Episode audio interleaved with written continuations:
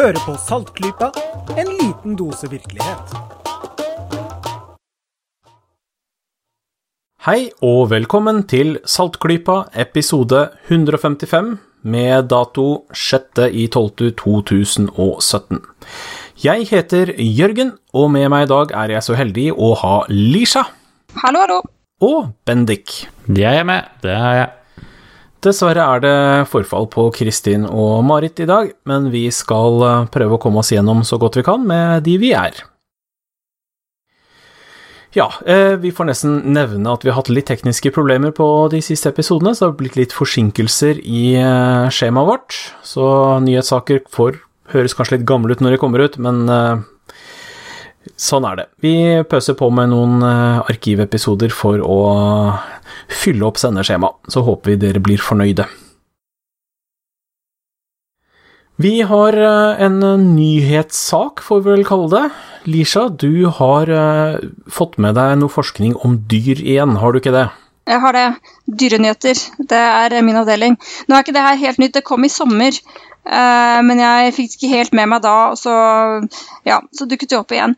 Eh, det er forskere ved universitetet i Lund i Sverige som har eh, Hvordan de kom på dette, det vet jeg sannelig ikke. De er kanskje veldig glad i å fiske. De har i hvert fall brukt eh, fisker eh, for å teste en gammel teori som går på at eh, For det man ser, er jo at visse dyrearter som lever i samme område, samme innsjø, da, dette tilfellet, de kan pare seg, og de kan få uh, avkom, men det er ikke like levedyktig. Det, så de, det blir ikke noen ny art, og de forsvinner, dette avkommet. Hybrider, uh, altså. ja, hybrider. Og det man har trodd, da, er at hybridene er ikke så sterke som foreldrene, og derfor over de, overlever de ikke uh, i like høy grad. Men det har man trodd da, lenge, men man har ikke bevist det. Man har ikke fysisk testa det ut, men det har man gjort nå. Eh, det er biologer eh, i Lund som har fått hjelp fra kolleger skal vi se, Danmark, Storbritannia og Sveits. Så det er internasjonalt samarbeid. Eh, og de har gått ut fra to arter, som på norsk skal hete mort og brasme. Det er ferskvannsfisker. Eh, og det som skjer, da, det er sånn at de For morten den er jo veldig strømlinjeformet, som gjør den veldig rask. Men avkommet, når en mort får unger med en brasme, så blir ikke den det i samme grad. Den blir mer klumpete. Eh, og brasmen er jo er høy i ryggen, er veldig brei og solid. Og det arver hybridavkommet heller ikke. Eh, og det gjør da at rovdyr lettere får tak i De satser på hybridene, da. For de er lettere å få tak i fordi de ikke har foreldrenes gode egenskaper. Hm. Eh, så rovdyr, da, eh, de opprettholder disse artgrensene. Og det man har gjort for å demonstrere dette, det er at man har fanget eh, i en sjø hundrevis av disse fiskene. Både mort og brasme og hybridavkom. Blanding av begge. Eh, mange hundre har man fanget, og så har man merket dem med mikrochip. Jaha. Eh, og så har man sluppet dem ut igjen. Eh, og dette her er da en sjø hvor det lever en skarvekoloni i nærheten. Og man har ventet da i flere år for at dette er ikke noe som skjer over natten, men jeg tror det gikk tre år.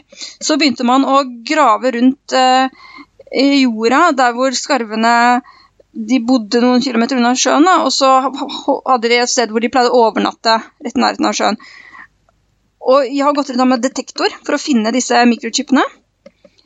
Uh, og man har klart å finne da Man hadde jo flere hundre, men man har funnet 80 som blitt kastet opp eller driti ut av disse fuglene. uh, og de hybridene, de hadde mye større sjanse for å da bli spist av disse skarvene. Eh, mortene, de, der fant man 14% av chipene igjen. Og for brasmen så fant man 9% av chipene igjen, mens fra hybridene så fant man 41% Oi, ja det er merkbart. Det var ganske merkbart. Eh, men det man da tenker seg, er at hvis det ikke var noen rovdyr, altså dette tilfellet denne skarvekolonien, da, hvis det ikke var noen uh, rovdyrkoloni, uh, så vil man da ha eh, mulighet for at måte, artsgrensen kunne bli visket ut.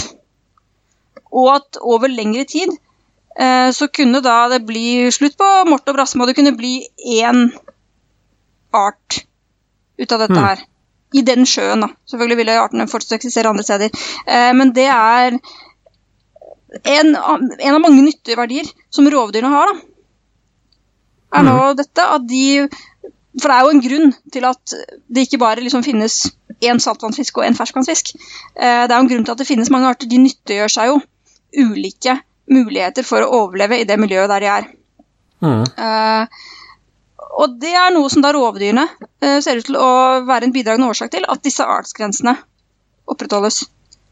For Mort Brasme-hybridene, de var ikke De var lette bytter i forhold til sine foreldre, tydeligvis.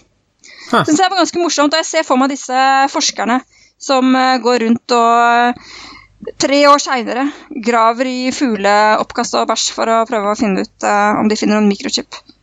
Uh, det kaller jeg det er dedikasjon til faget. Det høres ut som noe vanvittig drittarbeid å montere en masse mikroskipper i disse her små, ufyselige fiskene, og så gå rundt og plukke opp ekskrementer for å finne dem igjen. Jippi! Ja, det også. Er det, ikke, er, er det ikke det du stort sett, Jørgen, sier at din jobb er? At du går og graver gjennom eh, bæsj fra 1000 år tilbake?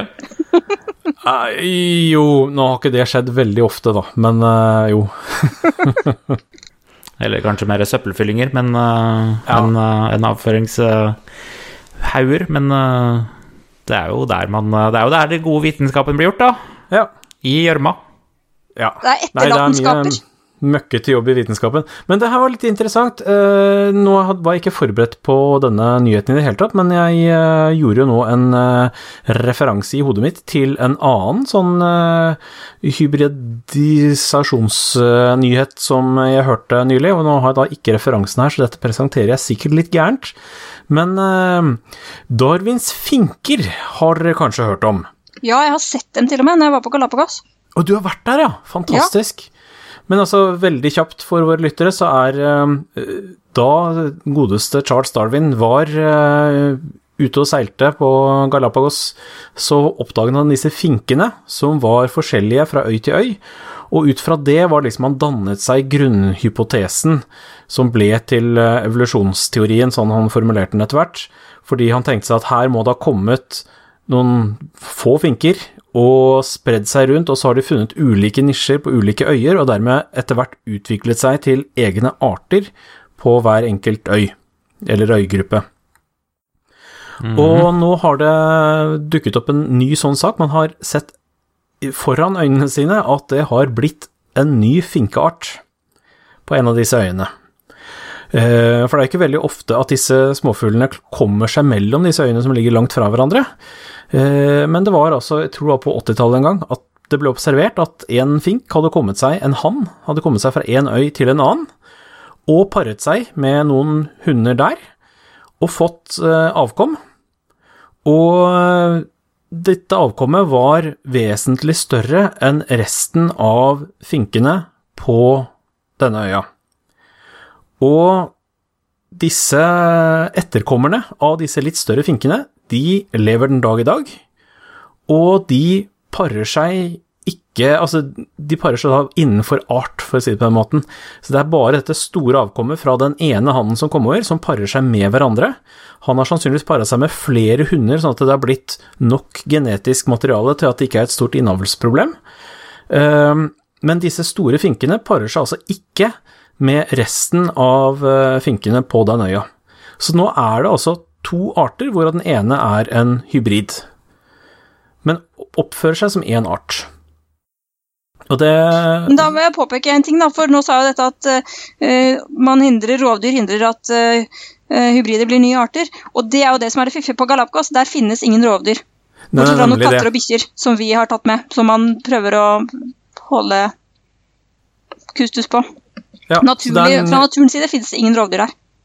Og det er kanskje noe av det fiffige her, altså at Galapagos, som da er eh, årsaken til at vi fikk evolusjonsteorien når vi fikk den, pga. Darwin som var der, at det er spesielle forhold nettopp på Galapagos som gjør at uh, artsdannelse skjer såpass enkelt og fort, fordi det er så få predatorer her. Så det er den nye hypotesen som har kommet inn her for å utvide uh, originalteorien til Darwin. Så det var litt Sant. kult. Det er fantastisk. Og apropos Galapagos, så hvis noen uh, som hører på oss, uh, har barn som de gjerne vil ha eksempler for å forklare ting til, f.eks. revolusjonsteorien er ikke nødvendigvis så lett å forstå, eh, kanskje for de yngste, der er eh, skilpaddene på Galapagos en, et utrolig bra visual aid for å hjelpe folk å forstå dette med evolusjon. For de finnes jo på alle øyne, eller de har eksistert på alle øyne, nå er de jo utdødd på noen, men der ser man ekstremt godt dette med tilpasning, for de har kommet fra kysten av Ecuador, fra fastlandet, og drevet ut på noe kvist og kvas. Så har de havnet på forskjellige øyer, og så har de tilpassa der. Og noen av øyene er mye mer fruktbare enn andre. Eh, Men det som lever på alle øyene, det er sånne kjempedigre kaktuser. Og dette er noe som de skilpaddene spiser i stor grad. Da. Og på noen av de så er det fruktbart, og de, det er gress og det andre ting. Og det er også sånne, der er kaktusene ganske små, da, liksom på høyde med generell vegetasjon. Og der har de skilpaddene det som vi tenker på som vanlig skilpaddeskall, hvor skallet i nakken er nede ved nakken. For de har bare gått og beita i liksom hodehøyde. Men på andre øyer, som er veldig mye mer eh, ja, hva skal man si, lava stein, som er det øygruppen er laget av, og det er veldig tørt og det vokser veldig lite der, der er disse eh, kaktusene de har blitt nærmest trær. Så der må man, for å få tak i mat der, så må man strekke seg. Og der har de skilpaddene som lever der, de har en Der går skallet opp. Men her må man google, da, for å skjønne helt hva jeg mener. Men der er det De kan strekke seg høyt opp. Bendik, jeg er har fordelen av å kunne se på deg som uh, veiver med armen og demonstrerer ja, hvordan skallet går opp fra ryggen. Hvor skallet går, ikke sant. De har uh, Skallet i nakken er aldeles ikke over nakken, det er langt over nakken. De har en bue opp der, slik at de kan strekke seg mye, mye lenger enn eh, disse skilpaddene på de mer frodige øyene kan. For slik har de utviklet seg til å rett og slett eh, rekke frem til maten. Hmm. Uh, så det er eh, Google frem noen bilder der, så ser man virkelig at der har evolusjonen bare fått herje fritt, nærmest sagt, og fått tilpasse seg til det som er. Det er et fantastisk morsomt sted å reise til. Uh, dyrene finnes jo ikke redde. Uh, ville dyr står bare og ser på deg, du kan omtrent gå bort til dem. Men det får man selvfølgelig ikke lov til, jeg er veldig strenge på det. Men det er uh, Hvis man har mulighet til å dra dit, så anbefaler jeg det på det aller sterkeste. Det var et fantastisk sted. Det gjør jeg gjerne en gang hvis jeg får anledning.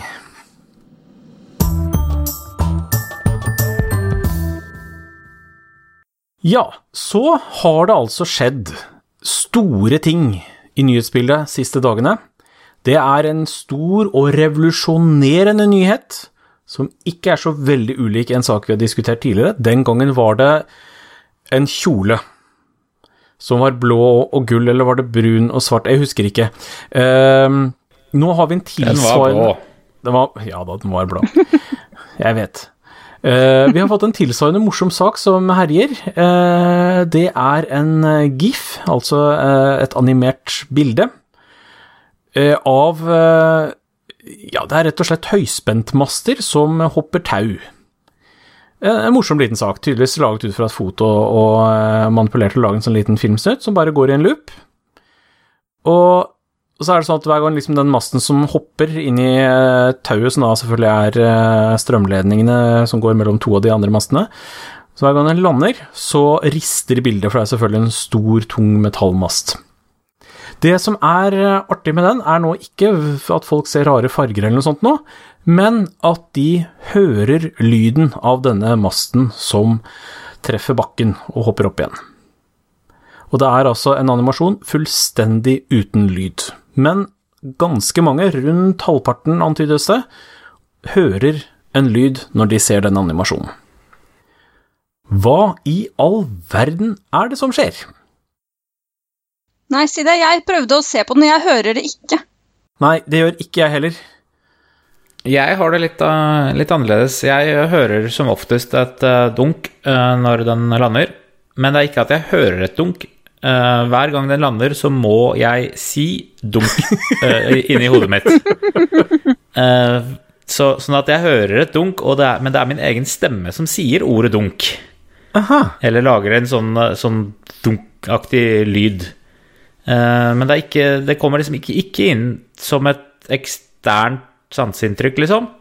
Det er, det er liksom bare meg selv som, som prøver å kompensere. Hjernen min prøver bare å kompensere for den lyden jeg forventer at skal være der, ved å, ved å lage den selv. Og jeg er klar over at jeg lager den selv. Hvis jeg liksom konsentrerer meg eller tenker litt eh, hardt på det, så kan jeg eliminere den. Men bare sånn by default så, så vil hjernen min lage et dunk.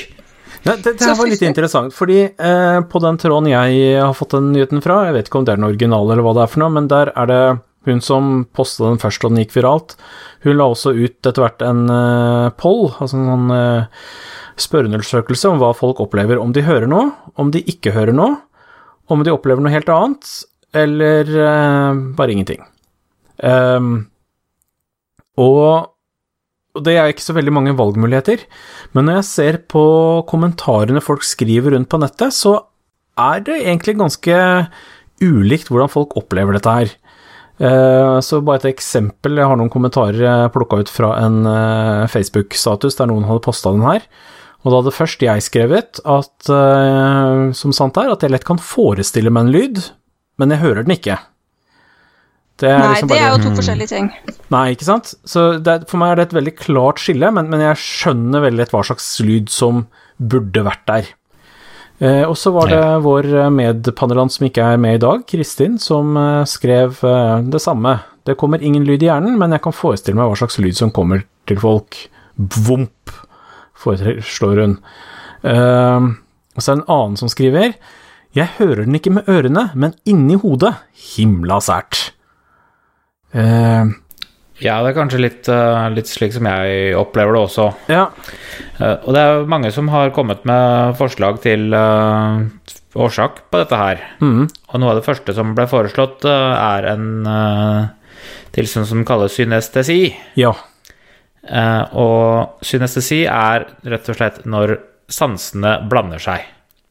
Eh, Sanseinntrykkene Da kan man for eksempel Ja. Da kan man eksempel høre farger, eller tall og ord har en lukt, eller en eh, ta, Visse tall kan høres rare ut når du leser dem, eller eh, noe sånt som det. Ikke, en, ikke en vanlig eh, tilstand, men ofte nok Det er til at inn, det- er ca. én av 400 har en eller annen form for synestesi. Men, men da er det snakk om synestesi som, en, eh, som, noe de opplever fast, mens ganske mange opplever synestesi som enkelttilfeller en eller annen gang i løpet av livet. Eh, jeg har opplevd det én gang som jeg husker, det nevnte jeg vel på Klypa. Jeg hadde vært på en eh, operaforestilling, og så var jeg kjempetrøtt, og det er typisk for de unntakene der man opplever det sånn unntaksvis. Og da eh, var det enkelte toner i musikken som gjorde at jeg fikk eh, sånne fargeskygger på synet. Himla sært. Det er den ene gangen Ja. jeg husker det. Men så er det noen som har det fast sånn at det virkelig er sånn Nei, tall Altså, fire er blått. 23 er lilla. Uh, Ja. Og i, i noen tilfeller så kan det hjelpe dem, fordi hvis du Hvis du skal f.eks. jobbe med tall, så er det ofte en god ting at de er fargekodet, Mm. f.eks. Da kan du få en mye høyere forståelse for dem. Eller så kan det hende at de overdøver tankene dine på andre felter. Hvis, eh, hvis de lager en lyd i hodet ditt hver gang du ser et tall, så kan du få et grusomt kakofoni hvis du sitter med et årsregnskap. Eh, Så det er, opp, til, opp til hver enkelt om dette, hvordan dette utspiller seg, og hvordan dette utarter seg. Eh, Og det, jeg tror det kan være en del som, som opplever det, men som ikke vet at det er unormalt. Mm. Eller eh, uvanlig, er vel kanskje riktigere å si enn unormalt. Eh, Og som da bare går livet og regner med at eh, alle har det sånn, liksom. Men, men for å komme tilbake på, på temaet vårt Dette her er Denne, denne giffen, det at folk hører lyd på den, det er ikke synestesi. Nei, det var det jeg skulle si, for jeg har jo sett faktisk forskere som jobber med hjernen og sånn, som er ute og sier at dette er eksempel på synestesi, men jeg får ikke det til å stemme. Nei, jeg vil si meg enig der at uh, dette her er ikke synestesi. Snarere dette her er uh, hjernen din som er overarbeida, som har nok å gjøre med å ta inn uh, synssannsinntrykkene. og fyller inn det den forventer skal skje. Det vil si at fordi at du ser et stor monstermast hoppe, den burde lage en uh, lyd når den lander. Ja, og bildet rister jo når den lander, så det drønner jo åpenbart skikkelig. Ja, det er en veldig, veldig godt laget uh, Godt laget bilde, dette her. Eller en godt laget animasjon. Veldig høy kvalitet på selve animasjonen. Så den ser ganske realistisk ut. Og, og liksom hjernen din blir lurt til at her skal det komme en lyd, og hjernen din begynner så å forberede seg på at en lyd skal komme, og bare fyller den inn selv. Så det er hjernen din som rett og slett har en snarvei. Ja. Og det er vi eh, skeptikere veldig godt eh, kjent med, egentlig. At hjernen din kan ta snarveier når den uh, blir overveldet med sanseinntrykk, eller når den forventer noe som ikke faktisk kommer. Ja, når den Ja. får mye informasjon, men det er én luke, så er det veldig naturlig for mennesker å fylle inn den luken. Mm. Det ser det- man også med folk som skal være, har vært vitne til et eller annet. Eh, politiet de må være veldig forsiktige med når de snakker med folk, fordi hvis de får høre et eller annet De så kanskje ikke, ikke sant, fargen på fluktbilen eller noe, men får de høre det senere, så kan de bli veldig overbevist om at de faktisk har sett det, og at de husker det. Selv ting som de umulig kan ha sett, da. Men hjernen skaper sånne falske inntrykk og falske minner. Veldig Mm.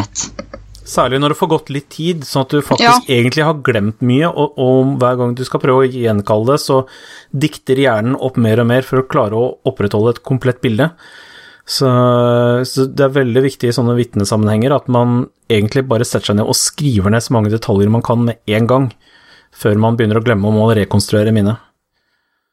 Jeg er villig til å legge fram en uh, hypotese som riktignok ikke har noen måte å få testet, uh, men det er en testbar hypotese angående dette bildet her. Når det ble posta på Twitter første gang, så var det med teksten Vi Noen hører et, uh, et dunk når den her går. Gjør du det også?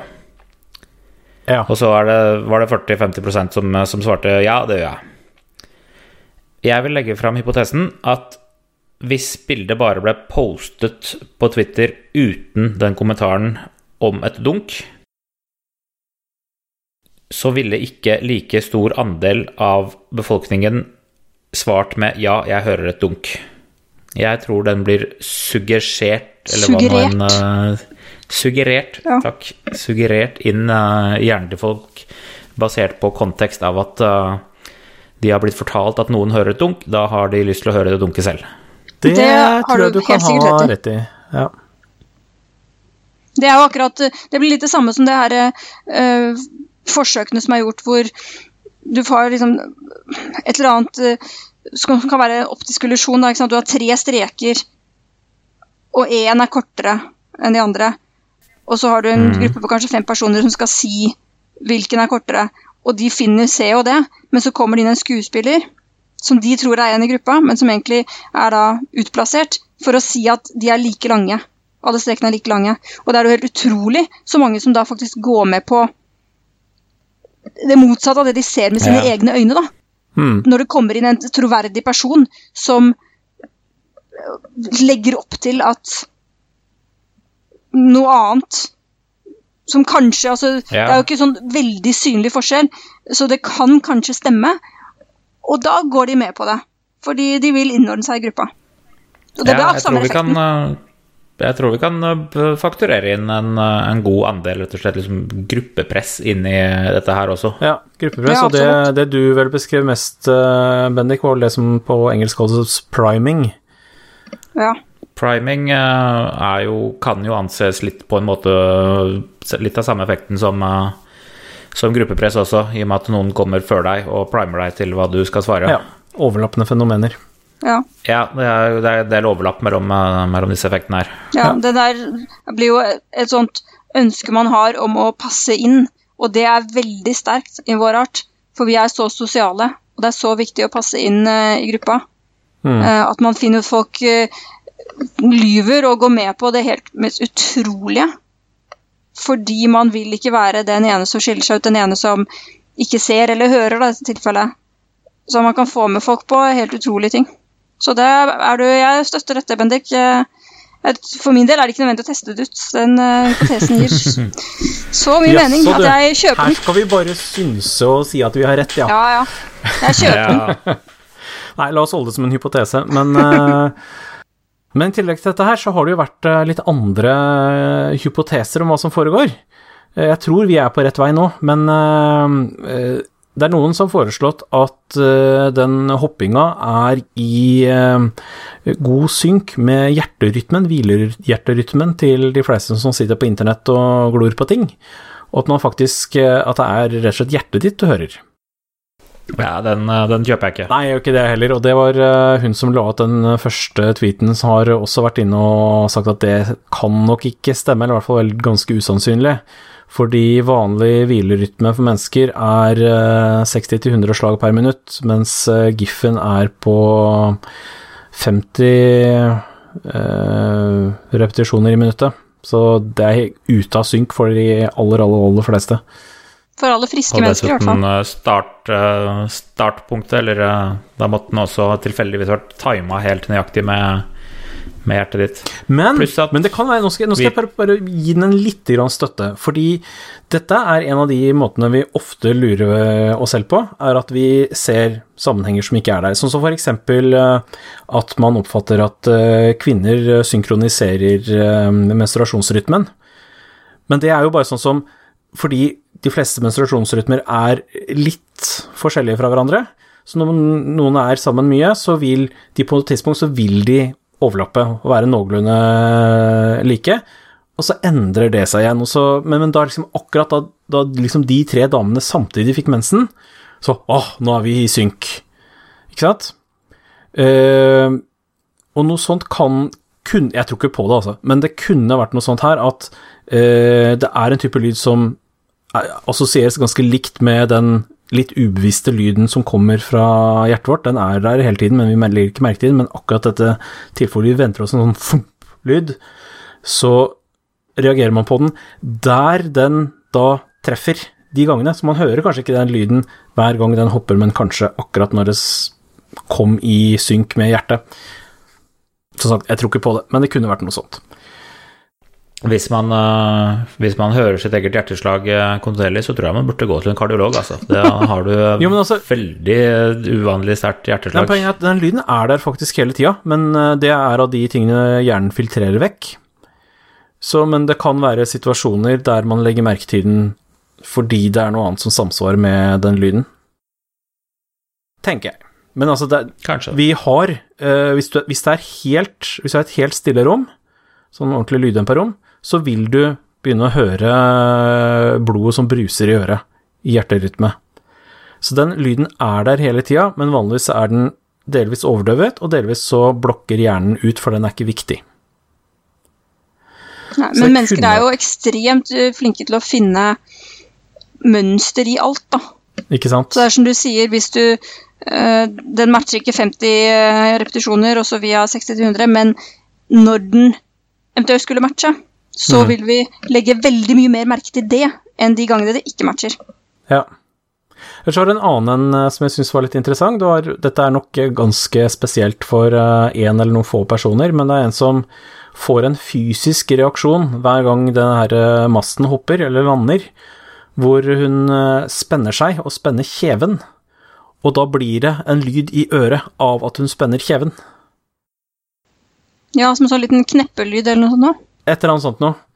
Eh, men det tror jeg nok er litt spesielt, altså. Det er ikke akkurat det som er årsaken til at veldig mange synes de hører den lyden der. Jo, men det var eh, en ting som vi snakka om i stad, som jeg eh, tenkte litt på. Det var når Bendik snakka om dette her med at hjernen er litt overbelasta og fyller inn tomrommene i det den ser og ikke får med seg alt av. Sånn at eh, vi forventer at der skulle det vært en lyd, og så fyller barrieren inn. Eh, og så begynte Lisha å snakke om eh, falske minner som kommer. Det er, det er, dette er jo relatert til hverandre, men eh, jeg tenker at dette her med å fylle inn tomrom, det, det er noe som skjer hele tida. Uh, Det gjør vi hele tida, ja. ja, så det. Lisha snakket om, er det som skjer i ettertid, men dette her er jo noe som skjer i øyeblikket. Og det er noe vi mennesker lever med hele tida. Sanseapparatet vårt får ikke med seg alt. Hjernen vår fyller inn tomrom kontinuerlig, sånn at det er enhver ting vi opplever i øyeblikket, er oppkonstruert. Eller har elementer av å være oppkonstruert. Ja, for det er vel sånn at øh, øyet ditt f.eks. ser bare en liten prosent av det faktiske synsfeltet ditt til enhver tid. Ja, det eneste du kan se skarpt, er en eh, bitte liten bit midt i synet, og så bare fylle hjernen inn resten fra det veldig uklare bildet som er rundt, og, og gir deg inntrykk av at du har full oversikt, men det har du på ingen måte. Ja, og, og liksom oppmerksomheten din på øyet, eh, eller øyets oppmerksomhet, det driver og flakker rundt kontinuerlig. Selv om kanskje ikke øyet driver og flakker rundt, så driver liksom fokuspunktet for oppmerksomheten din og flakker rundt kontinuerlig og, og refresher hver eneste lille piksel, nærmest, uh, som øyet ditt kan se, som, uh, sånn kontinuerlig.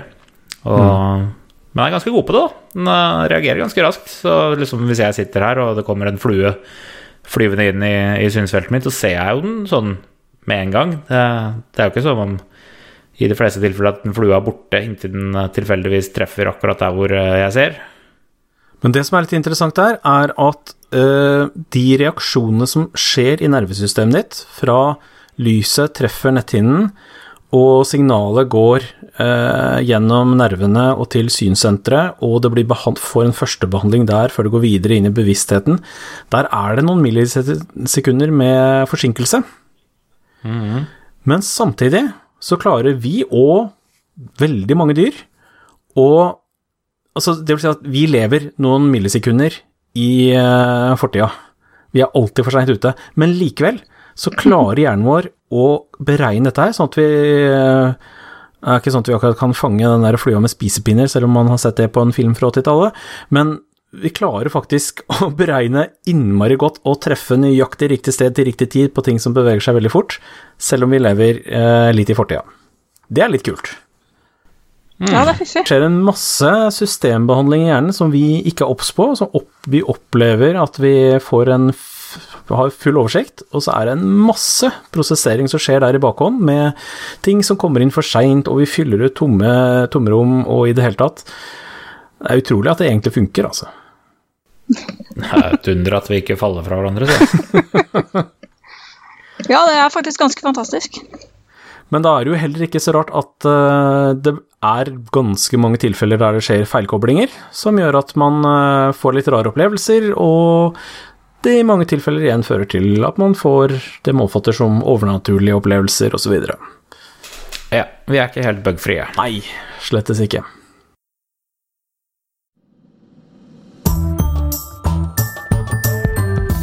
Jeg vet ikke, har vi snakka oss tom om en eh, noen sekunder lang eh, animasjon? Ja, føler meg fornøyd, jeg. Ja, jeg syns vi har fått ganske mye ut av de sekundene. Ja, da tror jeg vi går til anbefalinger.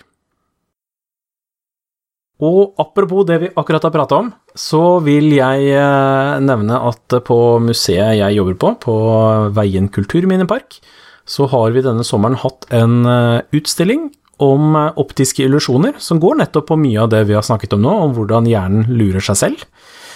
Ehm, og den utstillinga har vi nå plukka ned. Den er ikke mulig å se hos oss lenger.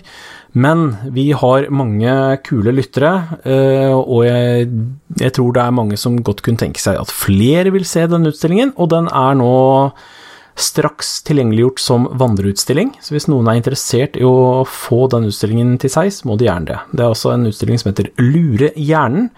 Den er basert på psykologiprofessor Richard Wisemans uh, arbeider. Uh, Man kan se hans YouTube-kanal uh, Quirkology, som mye er basert på. Um, morsom sak, underholdende, og så lærer man å ikke stole på sansene sine. Ta kontakt med meg via hjemmesiden til Veien kulturminnepark, eller eh, så kan man kontakte oss på Saltklypa, postatsaltklypa.no, så får jeg beskjed om det, hvis noen er interessert i å ta med den et sted. Jeg kan bare skyte inn at jeg var der i sommer og så på den utstillingen. Og den er absolutt verd verdt å se, og kan sikkert trekke folk til eh, ja, hvor det nå måtte være den blir satt opp. Så det anbefales. Nemlig. Var det flere anbefalinger? Nei. Nei, men da tror jeg det ble en litt uh, kort episode i dag fordi vi ble litt færre enn uh, planlagt. Og så vet vi ikke om vi rekker en ny episode før vi tar en liten juleferie, så det kan hende dere ikke, dere ikke hører mer fra oss før uh, over nyttår. Um, det beklager vi i så fall. Vi skulle gjerne kommet med episoder veldig jevnt og trutt, men noen ganger må også vi ha litt grann ferie. Nei, men da gjenstår det vel egentlig bare å takke for denne gang, og si et eventuelt godt nyttår og god jul. Ja, absolutt. Yeah. God jul hvis vi ikke Skal høres prøve før. å, prøve å høres uh, inn da, men uh, kanskje. Vi, vi vet ikke helt, vi heller ennå, så dessverre lytter vi, vi er like, like usikre som dere er. Ja. Greit, men da sier vi i hvert fall takk for denne gang. Ha det bra, alle sammen. Ha det, ha det. Ha det så bra. Saltklypa lages av Kristin Lisha, Jørgen og Bendik. Har du spørsmål, anbefalinger, ris eller ros, send det til post at saltklypa.no, eller finn oss på Facebook. Lenker til alt vi har snakket om i episoden finner du på saltklypa.no, hvor du også kan abonnere på podkasten for å få hver episode levert på døra helt gratis. Takk til Smart 9000 fra Evig poesi som har laget kjenningsmelodien.